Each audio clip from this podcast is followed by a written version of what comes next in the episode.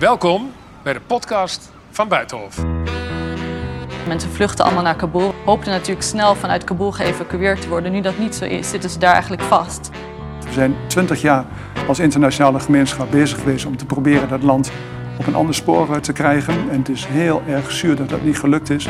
Als daar meteen op was gereageerd, waren die mensen lang voor de val van Kabul al naar Nederland gehaald. We gaan het hebben over Afghanistan. Sarah de Jong. Uh, u bent onderzoeker, mevrouw de Jong, aan de Universiteit van York. Welkom. Dank u. En uh, we hebben u gevraagd om hier te zijn omdat u onderzoekt hoe landen omgaan met tolken in bijvoorbeeld landen als Afghanistan en Irak. Daarom heeft u heel veel contact gehad de afgelopen weken met de tolken in Afghanistan. En wij zagen u afgelopen woensdag, toen sprak u de Kamercommissie voor Defensie toe... Mm. over de veiligheid van tolken en ander personeel. Want het zijn niet alleen tolken natuurlijk. Uh, we weten dat het vliegveld zo goed als dicht is nu voor mensen die nog geëvacueerd willen worden. Wat hoort u van de tolken die er nog zijn en anderen in Kabul? Welke verhalen krijgt u te horen? Ja, op dit moment krijg ik eigenlijk heel schrijnend ook heel beleefde mailtjes van bewakers bijvoorbeeld die nog zijn achtergebleven. Die aan mij vragen of ik alstublieft aan de Nederlandse regering kan vragen om zo snel mogelijk bericht te geven over wat nu plan B is. Um, ze zeggen ook dat ze niet meer kunnen terugkeren naar de huis waar ze eerder hebben gewoond. Het geldt vooral voor mensen die inderdaad niet uit Kabul komen, maar uit andere regio's. Uh, vaak zijn hun huizen verwoest of ze vinden het simpelweg niet veilig om terug te keren. Ze zitten dus eigenlijk op een andere plek, moeten daar snel weg en hopen te horen wat er nu gebeurt. Want uh, ze kunnen niet lang uitzingen, meestal op hun spaargeld. Uh, banken zijn natuurlijk dicht, u heeft het waarschijnlijk ook gehoord. Dat mensen proberen geld uit de banken te krijgen. Um, dus maar alles is gesloten. De... Alles is gesloten, ja. ja Zeggen die mensen waar u die mee in contact staat, zijn zij nog in de buurt van het vliegveld? Want we hebben natuurlijk allemaal die enorme explosie gezien van de zelfmoordterrorist donderdag. Durven zij daar nog te wachten of zijn ze elders? Nee, dat, dat is geen optie. Die zijn inderdaad elders. Uh, die zijn wel in Kabul nog op dit moment. Uh, en daarom is het nog weer heel belangrijk om ook te weten of ze in de buurt moeten blijven. Mm -hmm. um, we zagen eigenlijk in de opkomst zeg maar, van de Taliban. Dat er eigenlijk ook heel veel interne migratie al was in Afghanistan. Mensen vluchten allemaal naar Kabul, wat natuurlijk als laatste gevallen is. Um, hoopten natuurlijk snel vanuit Kabul geëvacueerd te worden. Nu dat niet zo is, zitten ze daar eigenlijk vast. En is het niet duidelijk wat van hen verwacht wordt. Ja.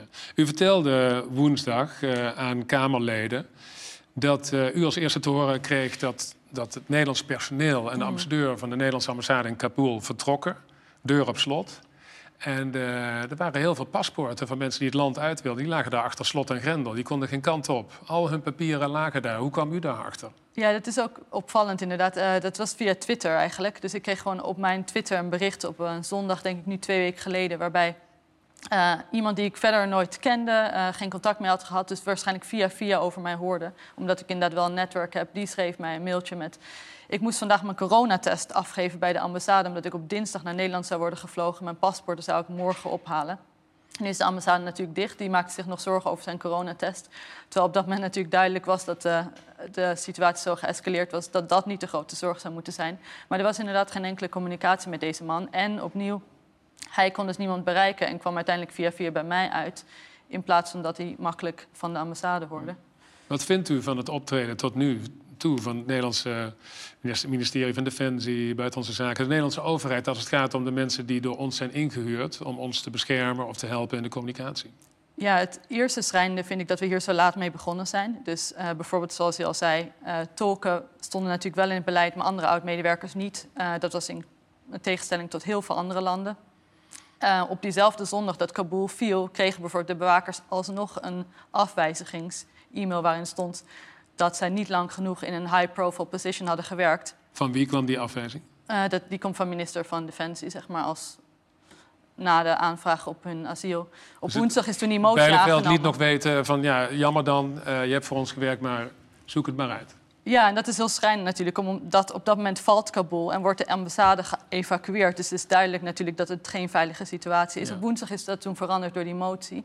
Um, maar inderdaad, daardoor is er natuurlijk vertraging opgelopen, want anders was al eerder het mogelijk geweest om die bewakers naar Nederland te halen.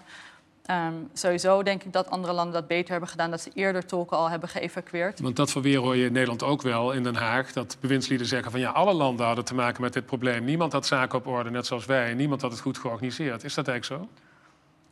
Ik denk dat er op alle landen iets aan te merken valt. Um, en het is inderdaad waar, dat, dat hebben we ook gehoord natuurlijk in de media, dat de meeste ministers van Defensie inderdaad naar buiten hebben moeten treden om te zeggen dat zij ook mensen hebben achtergelaten.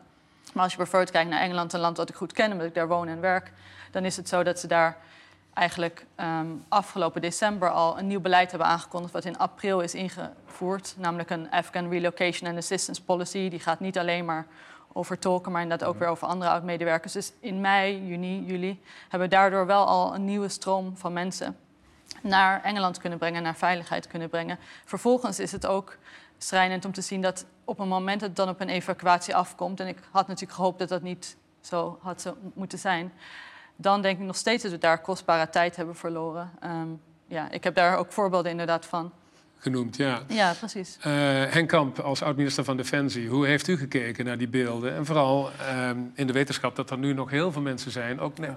mensen met een Nederlands paspoort, Afghanen die daar zijn, en mensen die ook voor u werkten toen u nog minister van Defensie was, die daar nu achtergebleven zijn. Ja, een vreselijke situatie eh, daar. Um, we moeten ons realiseren dat het niet alleen gaat om de mensen die voor Nederland gewerkt hebben, voor andere landen, maar ook mensen die voor de Afghaanse overheid uh, gewerkt hebben, mensen die voor politie, justitie uh, gewerkt hebben, mensen die, die, on, die allerlei projecten voor onderwijs en voor meisjes en vrouwen op gang hebben proberen te brengen. Dus ik denk dat er honderdduizenden, miljoenen mensen in de, in de knel zitten daar in dat uh, land. Dat hebben we geprobeerd te voorkomen. Taliban is in 2001 weggejaagd. We zijn twintig jaar als internationale gemeenschap bezig geweest om te proberen dat land op een ander spoor eh, te krijgen. En het is heel erg zuur dat dat niet gelukt is. En onze verantwoordelijkheid nu? Uh, ziet u de verantwoordelijkheid van de Nederlandse overheid om zich te bekommeren om het lot van die mensen die zijn achtergebleven, die voor ons gewerkt hebben? Mijn uh, inschatting is dat dat steeds gebeurd zal zijn op buitenlandse zaken en op uh, defensie. Ze zijn overvallen en ik ben ook overvallen en iedereen denk ik over. Ze zijn te laat in actie gekomen, zegt zij. Ja, maar te laat is, kunnen we achteraf constateren. Maar op het moment dat er een, een krijgsmacht is in Afghanistan die vier keer zo sterk is als de Taliban, waar we twintig jaar lang uh, trainingen aangegeven hebben, die materieel hebben gekregen, die georganiseerd zijn, en dat dat binnen één, twee weken in elkaar dondert, dat had niemand verwacht. Sergio. Ja, ik denk dat het belangrijk is om onderscheid te maken tussen twee verschillende groepen. Inderdaad, een groep die recentelijk uh, meer gevaar nu loopt, omdat inderdaad de Taliban het land heeft overgenomen. En een grote groep, dat waren onze voormalige werknemers, die al heel lang gevaar liepen.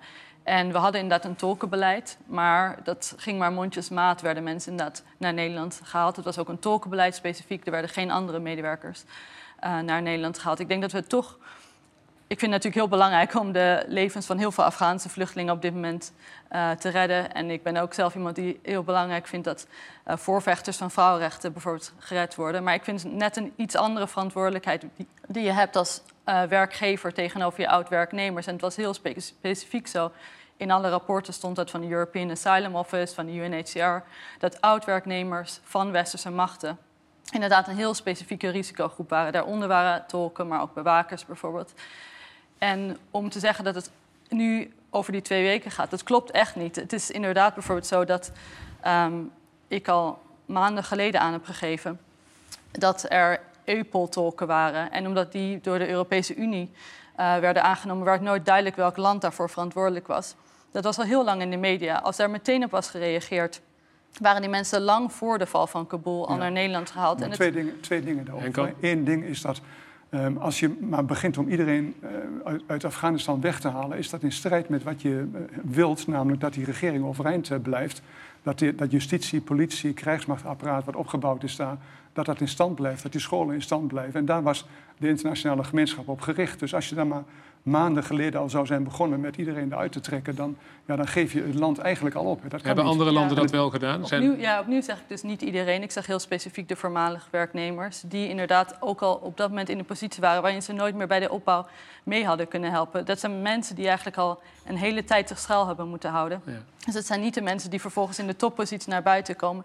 Inderdaad, als je bijvoorbeeld kijkt naar de Special Immigrant Visa Program in Amerika, dan hebben ze in april 2021 wonen dan al 20.000 voormalig medewerkers met hun familie erbij zijn het ongeveer 70.000 in Amerika.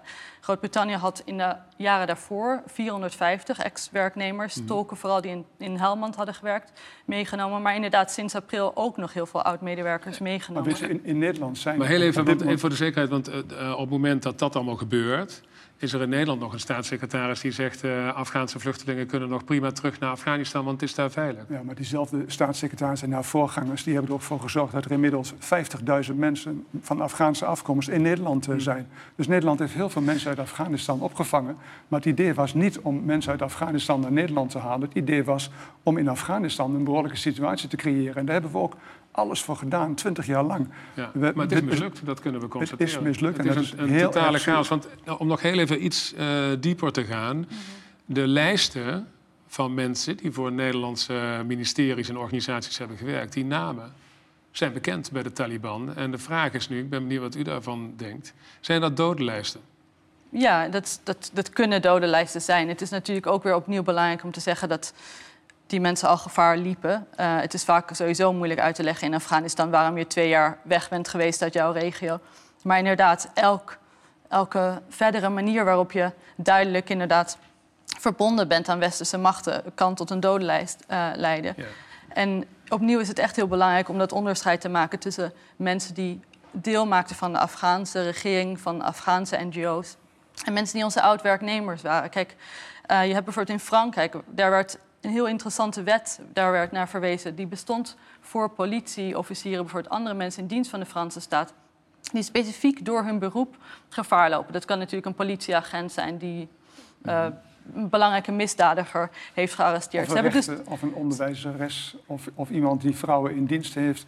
Of iemand die voor de overheid heeft gewerkt. Dit gaat over de, ja, de, dit gaat over de Franse staat. Die had een wet waarbij ze inderdaad voor hun oud-werknemers, politieagenten, voor een andere identiteitszorg of verhuizingszorg. En die, zij hebben dus toen al besloten, een paar jaar geleden, dat het ook voor Afghaanse tolken geldt, omdat zij een zorgplicht hebben tegenover die Afghaanse tolken als maar werkgever. Dat loopt, allemaal door elkaar heen. Hè. Er zijn 50 landen in, in de wereld heel intensief met Afghanistan bezig geweest. En die hebben op allerlei plekken hebben ze Afghanen ondersteund en dingen helpen opbouwen. Dus er is een hele sterke wisselwerking geweest tussen die landen en de bevolking van Afghanistan. Het is duidelijk dat u, u beiden bent het hier niet over eens. Dat roept mijn laatste vraag op. Uh, we zitten nog midden in de chaos uh, die we gezien hebben de afgelopen mm. weken. Maar moeten als, als dat langzamerhand voorbij is, moet er een onderzoek komen in Nederland, een parlementair onderzoek of een enquête naar de situatie die is ontstaan. Wat vindt u?